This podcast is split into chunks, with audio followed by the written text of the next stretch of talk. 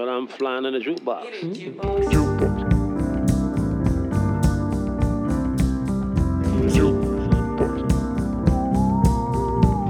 The flying jukebox. Hej och välkomna till den flygande jukeboxen. En podd av, med och för musikälskare. Mitt namn är Patrik Stanelius och i det här avsnittet får jag sällskap av Moa Hamne som gör musik under namnet Moa Piraten. Jag snubblade över Moas musik i höstas när jag satt och knåpade ihop ett kaleidoskop för P2. Och i slutändan så var det faktiskt så att hon fick med inte bara en utan två låtar i det programmet. När jag snackade med Moa blev det snabbt uppenbart att hon hunnit leva väldigt mycket liv på förhållandevis kort tid. Det kommer hon att berätta mer om själv men hisspitchen är ungefär att hon varit gatumusikant tvärs över halva jordgloben och seglat stora träbåtar, bland annat. Hon släppte sitt självbetitlade debutalbum i höstas och fick precis som alla andra i branschen se alla möjligheter till gig gå upp i rök. Det sög, men glädjande nog för alla som gillade skivan, och jag är en av dem, är att det kommer en uppföljare redan i september. Dessutom kommer Moa att höras på den norrbottniske kosmonauten Folke Nikanors kommande album. Så håll utkik efter det också. Och, eh, jag orkar inte tjata om det och ni orkar nog inte höra på det varje gång. Men den här gången kan jag påminna om att den flygande jukeboxen finns på Instagram och Facebook. Och spellistan med alla låtar som heter den flygande jukeboxens officiella spellista på Spotify finns just på Spotify. Okej, nu kör vi! Hej Moa och välkommen till den flygande jukeboxen. Tack så mycket för att du navigerade Vintergatan skulle jag säga och, tog dig hit. Tusen tack. Det var, det var svårt men härligt att navigera mig fram på Vintergatan. Förhoppningsvis blir det värt det också. Mm. Det är jag helt säker på. Jag har lyssnat på dina program och de var jättefina. Kul. En eh, sak, vi blev ju liksom, vi stiftade ju bekantskap eh, på distans kan man säga. Jag upptäckte din musik när jag satte ihop ett annat musikrelaterat program, Kaleidoskop, Just det. i P2. Mm. Och ungefär i samband med att jag jobbade med det under hösten 2020 så som av en liksom kosmisk slump så blev ju eh, din låt För den som vill gå fri utsedd till typ hela världens bästa låt på P2. Ja, alltså det var så fint. Det har verkligen varit en, em, en dröm på många sätt att liksom få just liksom låtarna spelade på folkmusiken i P2 som är jag tror den bästa radiokanalen jag vet. Eh, och som har inspirerat mig så mycket även när den hette Klingan förut. Mm. Och eh, att de har liksom omfamnat liksom några av de här låtarna på skivan det är bara Ja, det är som att målet är nått då liksom. Det är fantastiskt för jag älskar musik som spelas där och blandningen framförallt. Ja.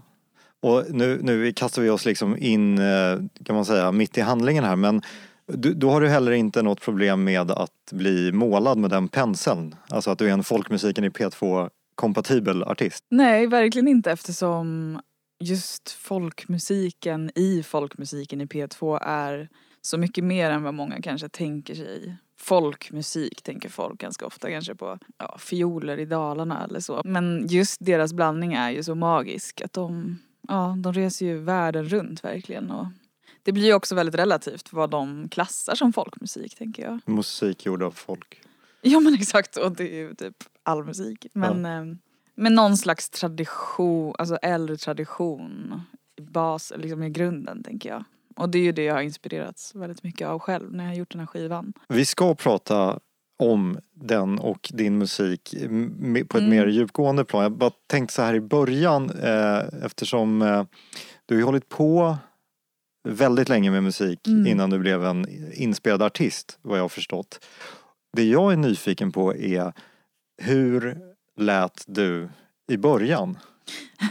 Var det liksom, var du Riot Girl? Gjorde du eh, techno? Eller har Absolut det oftast inte. alltid varit det här spåret? Det känns som att jag började med text, alltså innan det blev musik. Så jag har ju skrivit väldigt mycket sådär poesi på min kammare och alltid skrivit liksom dagbok sen jag lärde mig skriva i princip. Och, men allt i princip och studerat kreativt skrivande och sådär. Så att texten kom först.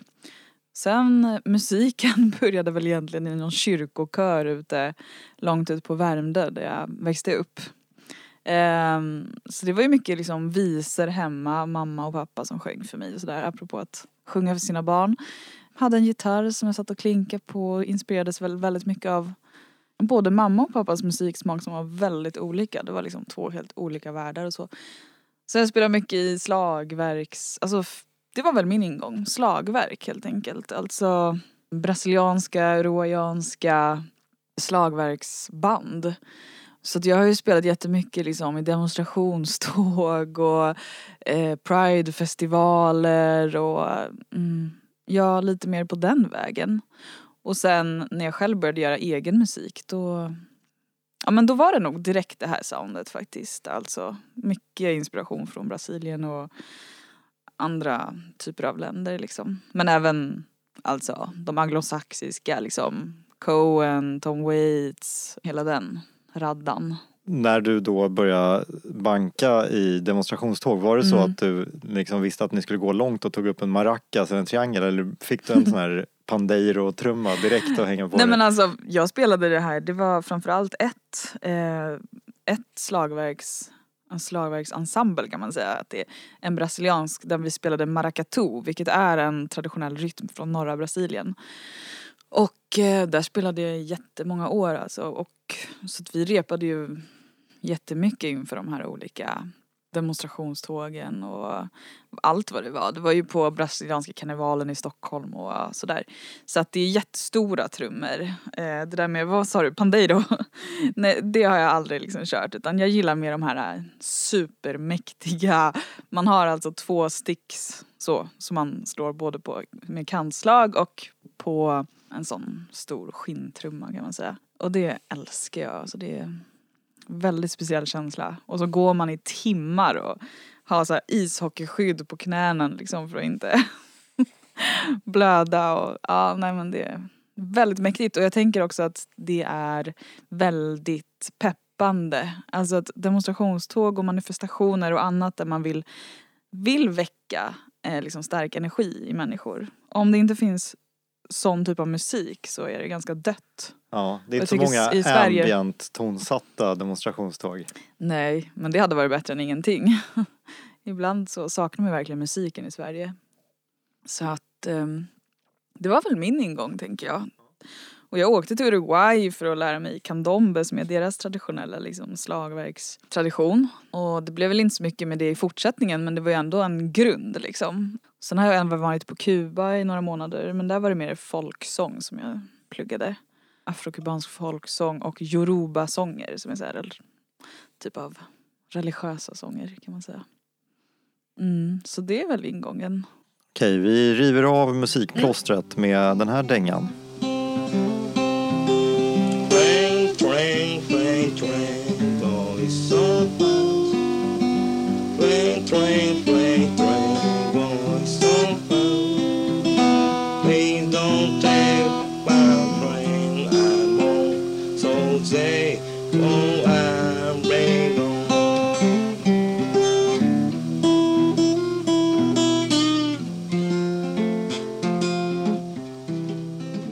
Ja, det här är en gammal favorit för dig alltså. Alltså den är så fin. Precis, vi hörde den japanska trubaduren Tetsu Mineta sjunga banjo och gitarrvirtuosen Elizabeth Cottons låt Freight Train. Och det här är alltså en eh, person som eh, var så säregen i sitt gitarrspel att hon uppfunnit en egen stil för att hon var vänsterhänt men spelade på en högerhänt gitarr som hon bara flippade. Och eh, då hamnade ju strängarna i omvänd ordning men hon löste det liksom. Är det sant? Det är alltså, Jag sant. har lyssnat så mycket på den här låten och jag hade ingen aning om den historien. Nej, hon skrev den, det är den första låten hon skrev som 11-åring. Året är typ 1904. Va? Nej det här är, vad hette hon? Elizabeth Cotton.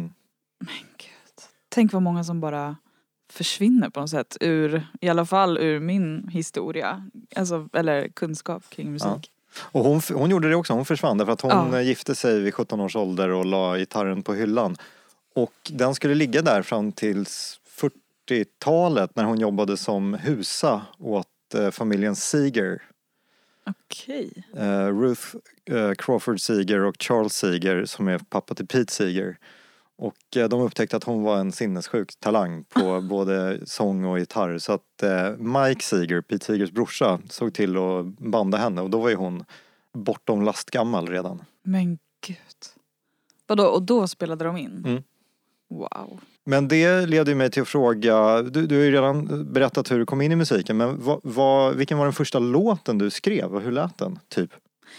Jag kommer inte ihåg exakt vilken som är den första låten jag skrev men jag vet att eh, det, det är liksom lite dubbla känslor kring det där att en av de första låtarna jag skrev är typ fortfarande folks favorit.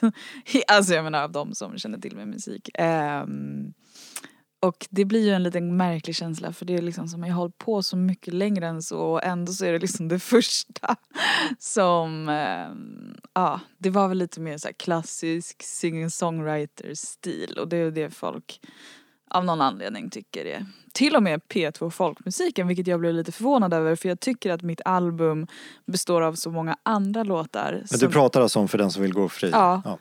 Jag tycker att det finns så många andra låtar på min skiva som egentligen jag tänkte att Esmerella Moberg och de här människorna skulle gilla mer.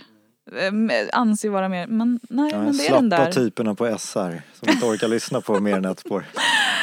Ja men den är väl en av de första. Sen faktiskt så skrev jag några av mina första låtar på spanska. mm, Som in, och en av dem är ju med på skivan också. Det är en av mina absolut första låtar.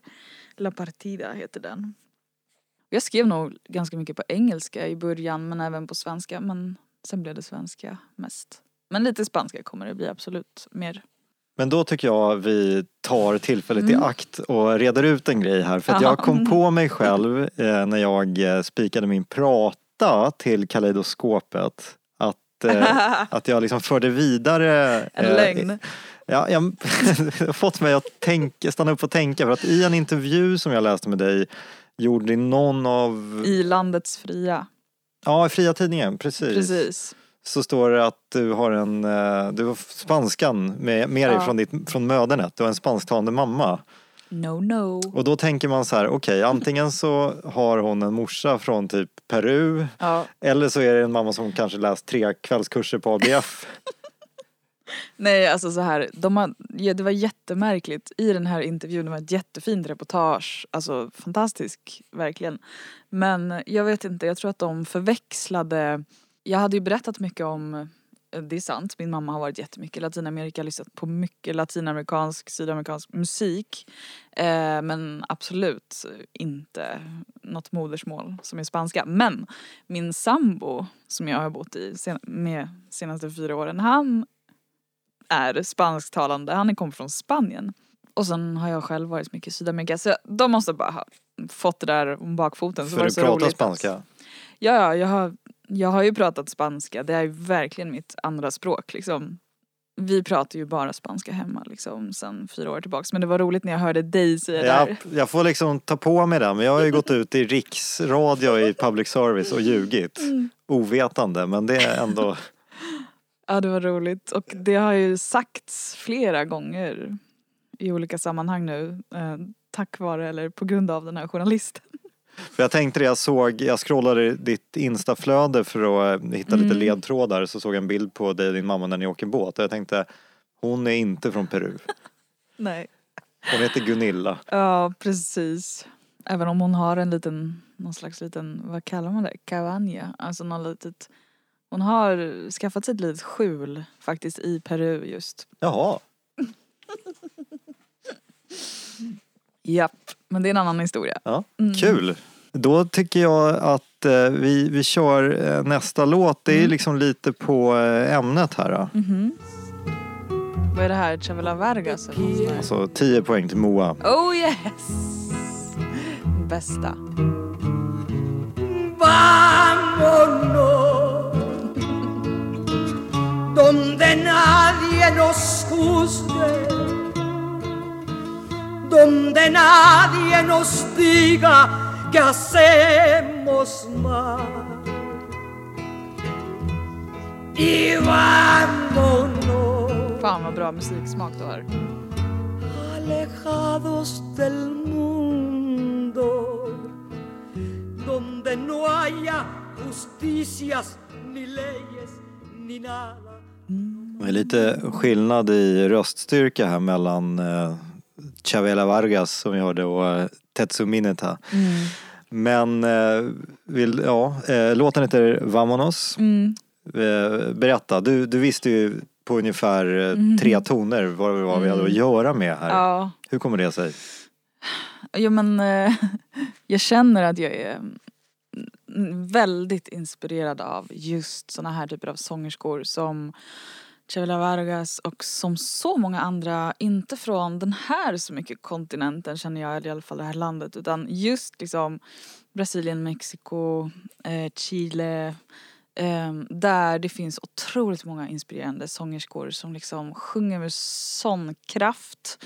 Och det här när hon nästan ryter som ett lejon liksom. Och det är så dramatiskt. Jag vet att många när jag lyssnar på sån här typ av musik av mina vänner som inte är så vana vid det tycker att det är, öv- det är, det är för dramatiskt. Det är liksom så teatraliskt och sådär. Men jag älskar dem och jag känner att tack vare dem så vågar jag också använda min röst på ett annat sätt. Och min teori är att liksom, eller det är så märkligt för att eh, eh, mycket av den svenska musiken som jag känner sådär, men jag borde ju gilla det här egentligen. Men jag känner att det är någonting sådär, det är för gulligt och mjukt och, och liksom För lite onda. Ja, verkligen för lite, för lite liksom stark känsla och det blir, det också går hand i hand med någon slags bild av mig själv. Jag kan inte sitta och bara liksom sjunga sådär sött och gulligt liksom utan man har ju så många nivåer på något sätt och hon visar ju verkligen på det.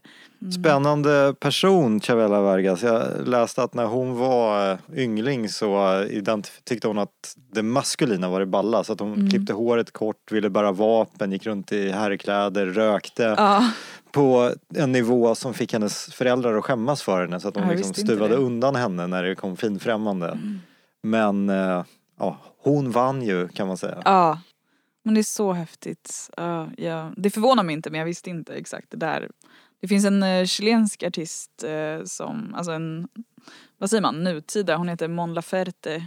Du kan kolla upp henne sen. Hon är jätteinspirerad av Chavela Vargas. Väldigt också så här, använder hela sin röstpotential. Grym artist Ja. verkligen från Chile. Jag tänker så här, du inspireras av den här musiken, Mhm. Älskar den, blir rörd till att söka dig till dess hemvist och musicera själv. Hur är det då, alltså hur blir man, hur blir man emottagen eh, om man är en person som du och kommer dit och säger men jag vill sjunga som ni gör. Alltså, blev, var det öppna armar eller fick du höra så här, vem fan tror du att du är Rubia? Exakt, ja, du pratar lite spanska. Det är lite skolspanska. Onda Ruja. Um, nej men eh, det är en bra fråga. Dels så tycker jag att folk blir väldigt liksom såklart så här smickrade och glada oavsett vem som kommer och säger jag älskar din musiktradition, kan du lära mig? Men till exempel på Kuba så, just apropå att vara roja, så alltså blond och vit och sådär så blir det ju, det blir ju på något sätt lite märkligt för att i den där Yoruba-sången så är det i princip bara män som, som sjunger Yoruba-sånger. Det är ju väldigt liksom rituella typer av framträdanden eller så. Så att just att ha det här privilegiet då som vit, alltså västlänning, komma dit och vara kvinna. Men då där liksom, ja, på grund av att du är svensk så får du inträde i den världen. Det är ju fantastiskt för mig men det är också väldigt sorgligt på något sätt att se att kubanska kvinnor skulle kanske inte kunna träda in i den världen och få lära sig de här eh, heliga sångerna liksom. Och det finns någon sorts turistfaktor i det där hela som, Mm. Som gagnar dig i, Exakt, i den du har situationen. pengar att betala för de här lektionerna men också kanske att det liksom inte är lika hotfullt eftersom du är från en helt annan planet på något sätt. Och kanske ska tillbaka dit sen också. Exakt, ja. Men alltså framför allt så känner jag att musiken har varit min ingång. Jag bodde i Brasilien när jag var redan som 16-åring så var jag utbytesstudent där i ett år. Och det var mitt sätt att lära mig portugisiska. Jag gick till den här lokala skivaffären och pratade med han som hade den och lärde mig allt om deras liksom, eh, MPB, Musica Popular Brasileira.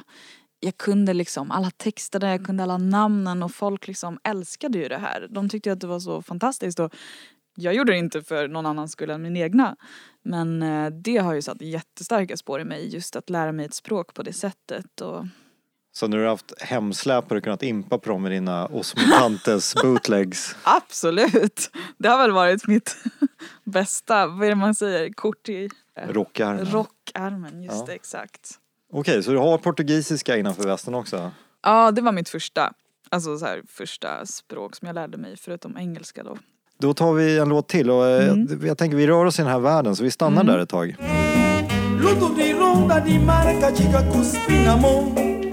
Bunda moja na so Umaja suku.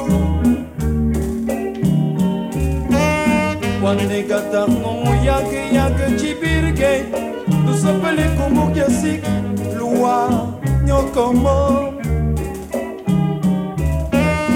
Wande gata no yake yake chibirge Tu sapele como que asik Lua nyokomo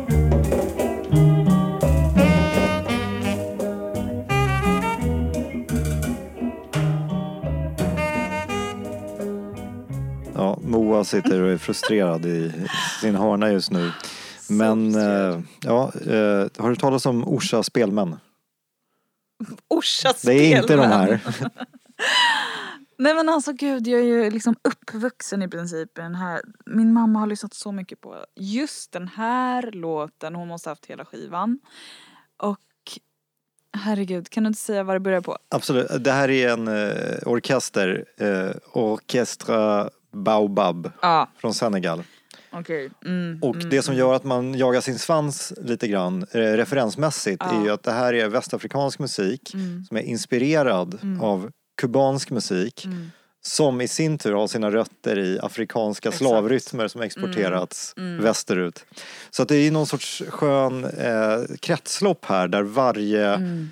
Generation bygger på med eh, eget bagage. Det är helt fantastiskt. Och eh, så sjunger de på någon sorts portugisisk creole också. Men exakt, och det var det, då började jag tänka för jag har lyssnat jättemycket på eh, Cesaria Evora från Kap Verde och andra musiker som också kommer därifrån och det känns ju väldigt nära den musikstilen och språket också. Portugisiska från Kap Verde är ju jätte, liksom annorlunda än från Brasilien.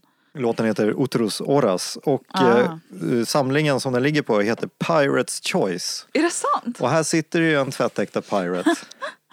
Pirates Choice, vad Ja. intressant. Eh, det, ja, det, är väl, det är väl någon eh, person som, skulle, som fick i uppdrag att ompaketera det här för en lansering i eh, Ja. Europa som, som Aha. landade på titeln. Och då är frågan, vem är piraten? Mm. Eh, men eh, i det här fallet så är det du som är Moa-piraten. Mm. Var du inspirerad någonting av Fritiof-piraten? Ja. Nils?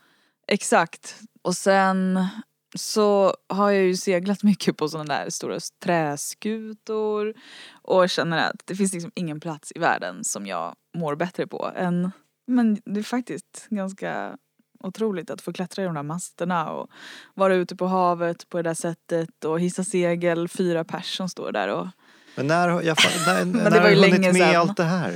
Jag vet inte, jag har nog levt väldigt liksom, intensivt kan man väl säga. Men sen så när jag började med musiken på, på riktigt, det var ju på en folkhögskola som heter Skeppsholmens folkhögskola. Där fanns det ju mycket båtbyggare och till skolan hörde massa träskutor. Så att mina första uppträdanden och liksom första låtar är väldigt starkt kopplade till havet och de här skutorna. Och sen så um, har jag tyckt att det varit spännande att läsa mycket om kvinnliga pirater som liksom klädde ut sig till manliga pirater såklart på, alltså för länge sedan, flera hundra år sedan. Mary Mac med flera. Det är ju väldigt så här, manligt kodat på något sätt med pirater. Men också den här frihetslängtan och rastlösheten, alltid ha liksom horisonten framför sig och, och liksom vidare, vidare, vidare. Inte låta någon kapten styra skeppet utan ta över själv på något sätt. Så att det har ingenting att göra med de här nutida piraterna som, som röjer kusterna. Nej. Utan mer liksom någon slags kanske romantiserad eh, sagobild på något sätt som jag alltid sen jag var liten inspirerats av. Jag älskar också kläderna, tycker att pirater är sjukt sexiga och snygga. Både kvinnor och män. Du är ju också utbildad socionom, men det känns som du hunnit leva ett antal eh, liv redan. Ja, jag har väl gjort mycket. Och, men jag tänker det är väl som många musiker också att man, eh, man får väl välja mellan att antingen liksom lite, för att använda en klyscha, sälja sin själ och överleva som musiker genom att göra sånt som man kanske inte alltid gillar och sådär. För att få pengar. Eh, eller så väljer man att som jag då jobba med socialt arbete eller andra saker som fyller ens liksom, energi på något annat sätt för man känner sig meningsfull bla bla bla. Och sen gör man den musiken man verkligen vill göra med den fritiden man har. När man är en artist som dessutom har en så stor tonvikt på text och textinnehåll Mm. så kan det inte skada att, eh, att ha ditt yrke. Jag kan tänka mig att det är en eh, Exakt. källa till både inspiration och kanske Alltså till och med att man lånar en Mm. story från verkligheten. Alltså verkligen, så är det ju verkligen. Man behöver ju stoff någonstans ifrån känner jag. Diktarna och dårarna är ju en av mina låtar. Den till exempel inspirerades av en kursbok som vi läste när jag pluggade till socionom. Den hette inte Diktarna och dårarna men jag tror den hette kanske Barnen och dårarna eller något sånt där och handlade just om liksom hur man ser på inom citationstecken galna typer av personer, hur man jämför det med barn, bla bla bla och Säg inte mer för att eh, det är faktiskt den av dina låtar som jag tänkte att vi skulle lyssna på tillsammans. ah, vad roligt! Har du någonting emot att höra dig själv? Nej. Då kör vi.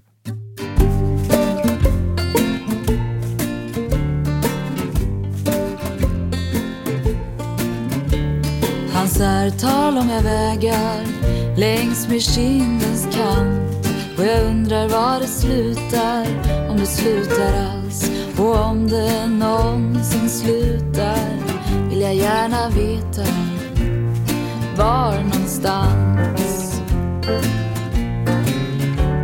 Han säger han älskar min glöd och jag svarar att den blir snart min död. Ja men kom du och värm dig innan det är för sent För askan är inte vacker att se Vi var diktarna och dårarna. Vi var barnen, vi var fåglarna och vi flög Flög så högt vi glömde att andas. Vi var diktarna och dårarna.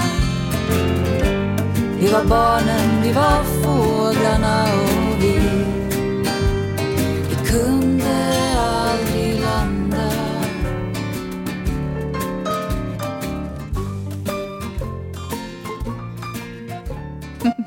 Är du nöjd med hur den här blev? Jag är jätteglad för hur den här blev. Det, jag blev väldigt emotionellt, eller jag blir liksom, ja jag känner mycket med den här låten på något sätt. Men det jag måste fråga dig. Mm. Alltså, du har kommit på 12 låttitlar. Då ska du Mm. döpa ditt album. Och då fastnar du på Moa Piraten, Moa Ja. Piraten. Mm. Berätta. Ja, nej men det där var Jag har gjort allt det här själv, jag har aldrig gjort det här förut. Du vet allt med liksom lansera, distribution, bla bla bla. Så att jag vet inte om jag hade så mycket tid överhuvudtaget att fundera. Men vad jag tänkte var att jag ville göra det så enkelt som möjligt. Det känns lite kaxigt på ett bra sätt att skivan får heta Moa Piraten. Det är absolut inget fel med det och Nej, det är nej. vanligt förekommande i musikhistorien. Men jag, liksom, jag tror inte jag har suttit med en person som gett ut ett självbetitlat album tidigare. Så det var därför jag passade på att fråga. Ja, Ja. Dra mig till minnes att Jag tror faktiskt nu när du frågar att det kan ha varit Lovan Tell Tell som, eh, som influerade det. För att eh, eftersom han höll på att göra det här jättefina omslaget till skivan så diskuterade vi just så men ska vi ha överhuvudtaget text på framsidan eller inte? Och då frågade han vad ska den heta? Och då så sa jag att jag vet faktiskt fortfarande inte vad den ska heta. Och det kan ha varit så att det var hans förslag att men det kanske är bäst att det heter Moa Piraten eftersom då behöver man inte se för mycket text. Alltså då blir det cleant också. Moa Piraten, det är f- mindre arbetstid för mig. så att, eh, ja det kanske var Lo Antell nu när jag tänker på det. Men nästa gång så ska det, jag håller ju redan på med en ny skiva. Och den ska ha en titel som inte är Moa Piraten. Då ska vi se vad jag hade tänkt. Just det, Moa. Mm. Du har ju faktiskt träffat royalty.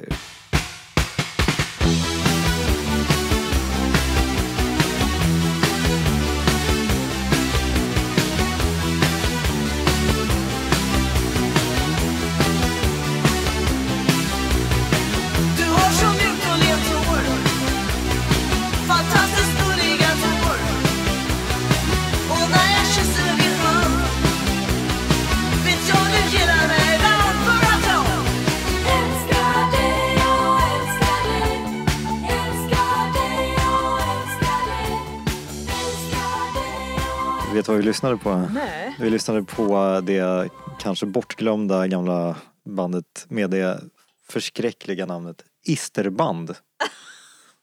Va?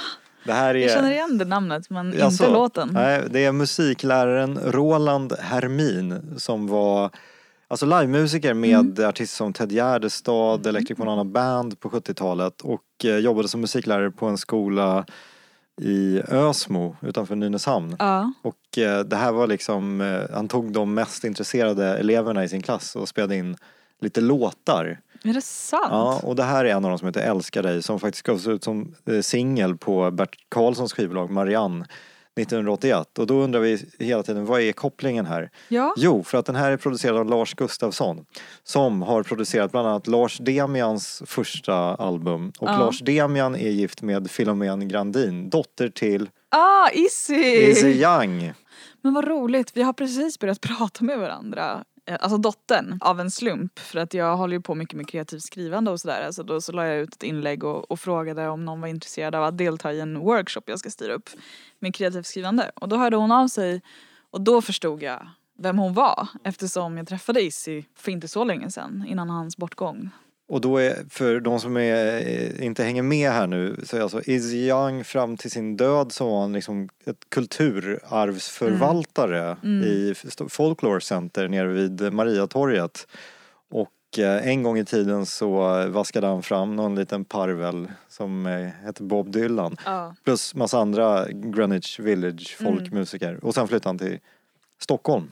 Men exakt, det var många led i steget för att komma fram dit. Nej men vilket ställe. Nu är det väl någon blomsteraffär där eller någonting sånt Jag har faktiskt inte varit, varit förbi där sen Nej men han var ju ut. helt wow.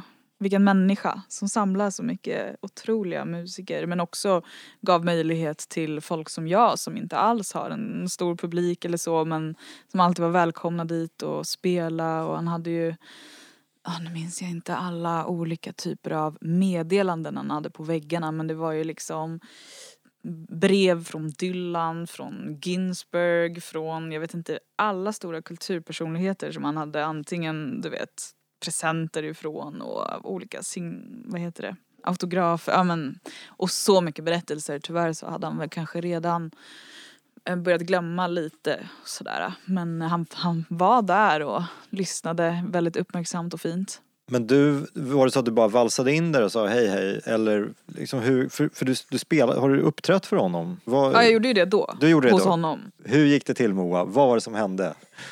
Ja, det gick väl till som jag brukar göra. Jag bara går in på ett ställe och, och liksom, det är väldigt old school. Men han var ju också det på något sätt. Det är det där, jag älskar ju det här. Så det var väl det jag gjorde. gick dit, han satt där som vanligt. Han var ju där väldigt mycket. Och, och liksom lämnade över lite länkar. Det var innan jag släppte min skiva. Så det var väl Soundcloud-länkar och sånt där. Ja, och sen så körde vi där. Det var en sommar, när kan det ha varit? Kanske tre år sedan. Mm. Men det var jättefint att ha honom där i publiken som har suttit där och lyssnat på de största av alla största. Liksom.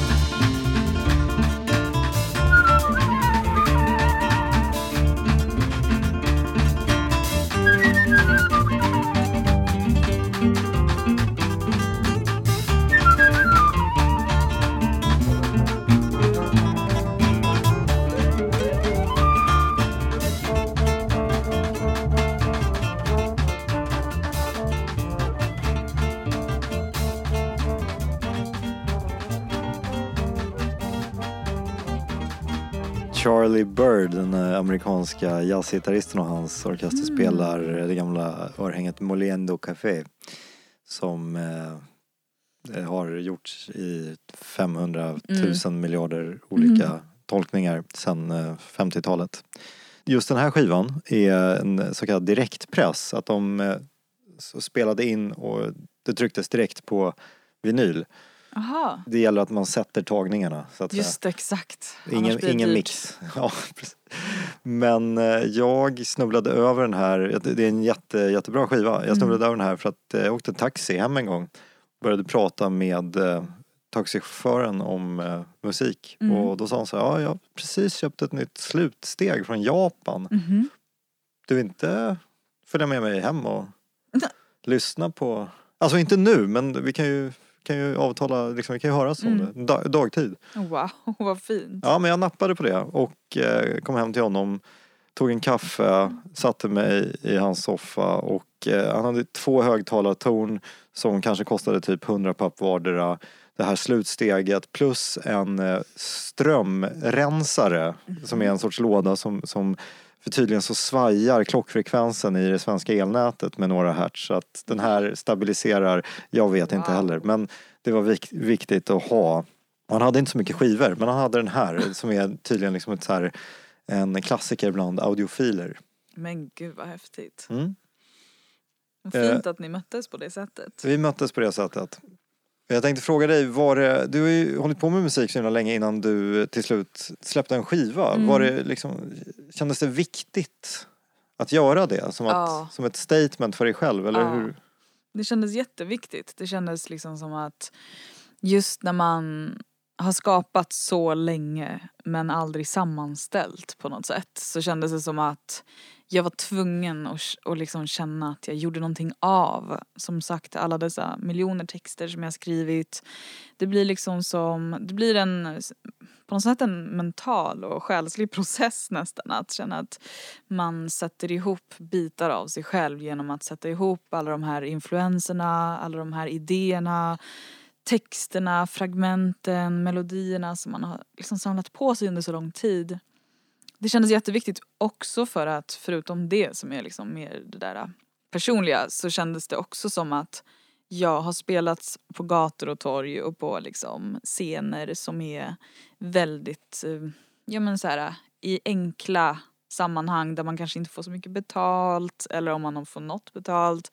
Och där jag kände att nu börjar jag stå och stampa lite, jag vill vidare, jag vill kunna få liksom lite större spelningar, jag vill ändå, trots att jag kan leva på socialt arbete lite vid sidan av så är ju ändå drömmen att leva på musik på exakt det sättet jag vill göra musik. Så att med skivan så var ju det också tanken. Tyvärr så kom ju skivan ut eh, 25 september eh, 2020 vilket betyder ja, att det inte var världens bästa timing på grund av corona och det. Men, det ehm, finns ju förhoppningsvis ett liv efter corona Exakt. också. Men så att livespelningarna har ju inte direkt drällt in. Men eh, det kändes väldigt, väldigt skönt. För det finns också väldigt mycket en känsla av en förstärkt liksom, identitet som musiker. Att ja, men nu har jag det här att visa upp liksom. Nu kan jag söka de här stipendierna. Nu kan folk fatta vad det är jag har hållit på med, med i alla dessa år. De som inte har liksom, eh, sett hur mycket jag har slitit. Eller som har sett kanske att jag har slitit men inte fattat med vad. Så att det var jätte, jätteskönt. Det, det, och nu känns det som att nu är jag igång så nu kommer den här andra skivan komma mycket lättare liksom. För att jag, jag startade ju ett eget skivbolag, startade eget företag. Jag fixade allt, allt själv liksom. Så att det var ju, det tog väldigt mycket tid, kraft, energi, pengar. Men nästa gång kommer det gå mycket enklare. För nu kan jag det här liksom, more or less.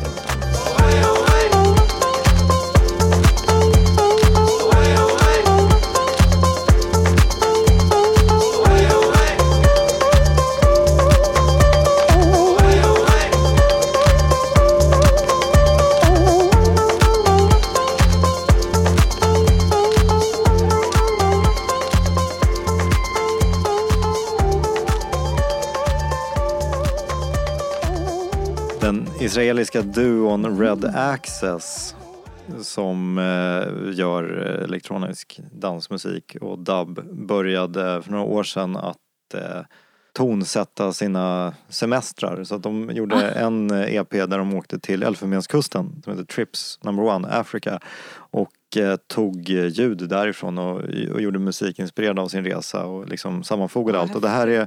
Trips 2 när de är i Vietnam. Och det här spåret heter Hue som eh, är en stad eh, på landsbygden där med eh, lokalbefolkning som hjälper till att klappa och sjunga. Vad fint. Jag kunde inte sätta liksom, fingret på vilket land men lite så här absolut att man tänkte på något, något typ av asiatiskt land Mm. med alla de där Vad är det som gör att man, det är något stränginstrument eller vad var det? Ja, eller stråkinstrument Någon kanske? sorts Ja. eh, vietnamesiskt stråkinstrument Mm, mm. som vi inte kan namnet. Nej. Men du har ju, vilket vi snackade om, eh, rest runt väldigt mycket, lirat på gator och Mm. torg under eh, flera års tid. Hur djup låtväska skulle du säga att du har? Mm. Hur långt gatumusikersätt skulle du kunna köra? Om du... Ah, ja, ja, ja. Alltså det var roligt när vi körde senaste gången, det var ju några år sedan nu. Alltså det var väl kanske två år sedan eller någonting sånt som vi var i Berlin, jag och en kille som spelar gitarr. Och då så körde vi ett sätt som, vi gör ju inte mina låtar direkt utan det är ju jättemycket just liksom de här kraftfulla mm, portugisiska, um, chilenska, kubanska låtarna liksom som är. Så att det är väl en repertoar på, jag vet inte, 20 låtar. Alltså som, som liksom gick hem. Man gör det här som kallas basking. Att man går in på en bar, ber dem liksom sänka musiken om de tycker att det är en bra idé. Och så ber man om att få köra ett par låtar eller en. Så att det är ju väldigt läskigt i början när man är ringrostig. Det känns ju helt bisarrt att bara gå in där och kräva de här restauranggästernas eh, uppmärksamhet på det sättet. Så det gäller att ta i från magen verkligen och sen skickar man runt hatten och ser hur mycket cash man får och i Berlin så funkar ju det fortfarande med cash. Men eh, det är en extremt bra erfarenhet för att känna sig trygg i att sjunga tycker jag. Jag har aldrig tagit sånglektioner eller så men jag känner att just det, alltså förutom på Kuba men det var inte riktigt teknik utan det var ju mer någon slags, det var ju också så här, men bara sjung för fan. Bry dig inte om vem som står och lyssnar i princip så. Mm. Och kör ni omickat då också så att att Ja. rösten bär? Exakt, så därför kan man inte sjunga liksom, finstämda små visor på svenska utan det var ju just det där liksom Sigala, alltså du vet ja, Lagrimas negras, de här Que te importa que te ame, du vet såhär dramatiskt. Chavela Vargas körde kanske inte men ja, sånt. Så att eh, det är ju det som jag älskar att sjunga väldigt mycket. Jag tror vi körde Sodage också, Cesaria Evora och Gracias a la vida, och Violeta Parra. Såna där låtar. Och blev aldrig bortjagade? Alltså verkligen inte. Det roliga var att det var lite sådär att efter några dagar eller veckor så fick man sina stamställen där man visste att här var man uppskattad. Och så var det så mysigt för då började man lära känna bartender och de som serverade. Så kunde man få en öl också och sitta där och, och vila lite efteråt. Så gick man vidare och sådär. Det intressanta var att det funkade inte alls i liksom, du vet de här mest eh, hipstra kvarteren som är liksom Kreuzberg och Friedrichshain eller. Neukölln och allt? Ja men exakt, där funkade det inte så bra. Utan det var mer i de här lite poschare kvarteren där, där de i publiken kanske inte var musiker utan folk som faktiskt mest var intresserade av att lyssna på musik. Som var väldigt så här, generösa och fin publik. Men har tanken någonsin slagit dig på att också, också göra en, en liksom, att, att spela in det paketet låtar på skiva? Ja. Alltså Moa Goes Hispanic. Alltså det är 100%. ju det, egentligen, det skulle jag väldigt gärna vilja göra. Dels så planerar jag att göra en skiva på spanska i framtiden, en EP i alla fall. Men framförallt de här gamla traditionella låtarna, jag skulle älska att göra det faktiskt. Verkligen. Bra. Du, där gick vi i mål Ja. Moa. Jag vill återigen tacka dig jättemycket Mm. för att du kom hit. Det var så kul att vi kunde få till det här. Ja, efter många av mina struliga upptåg. Tusen tack för Ingen att jag fick komma alls. hit. Och eh, ska bli jättespännande att höra mer av Moa Piraten. Tusen tack. Jättekul att vara här verkligen. Och grym musik. Tjingeling.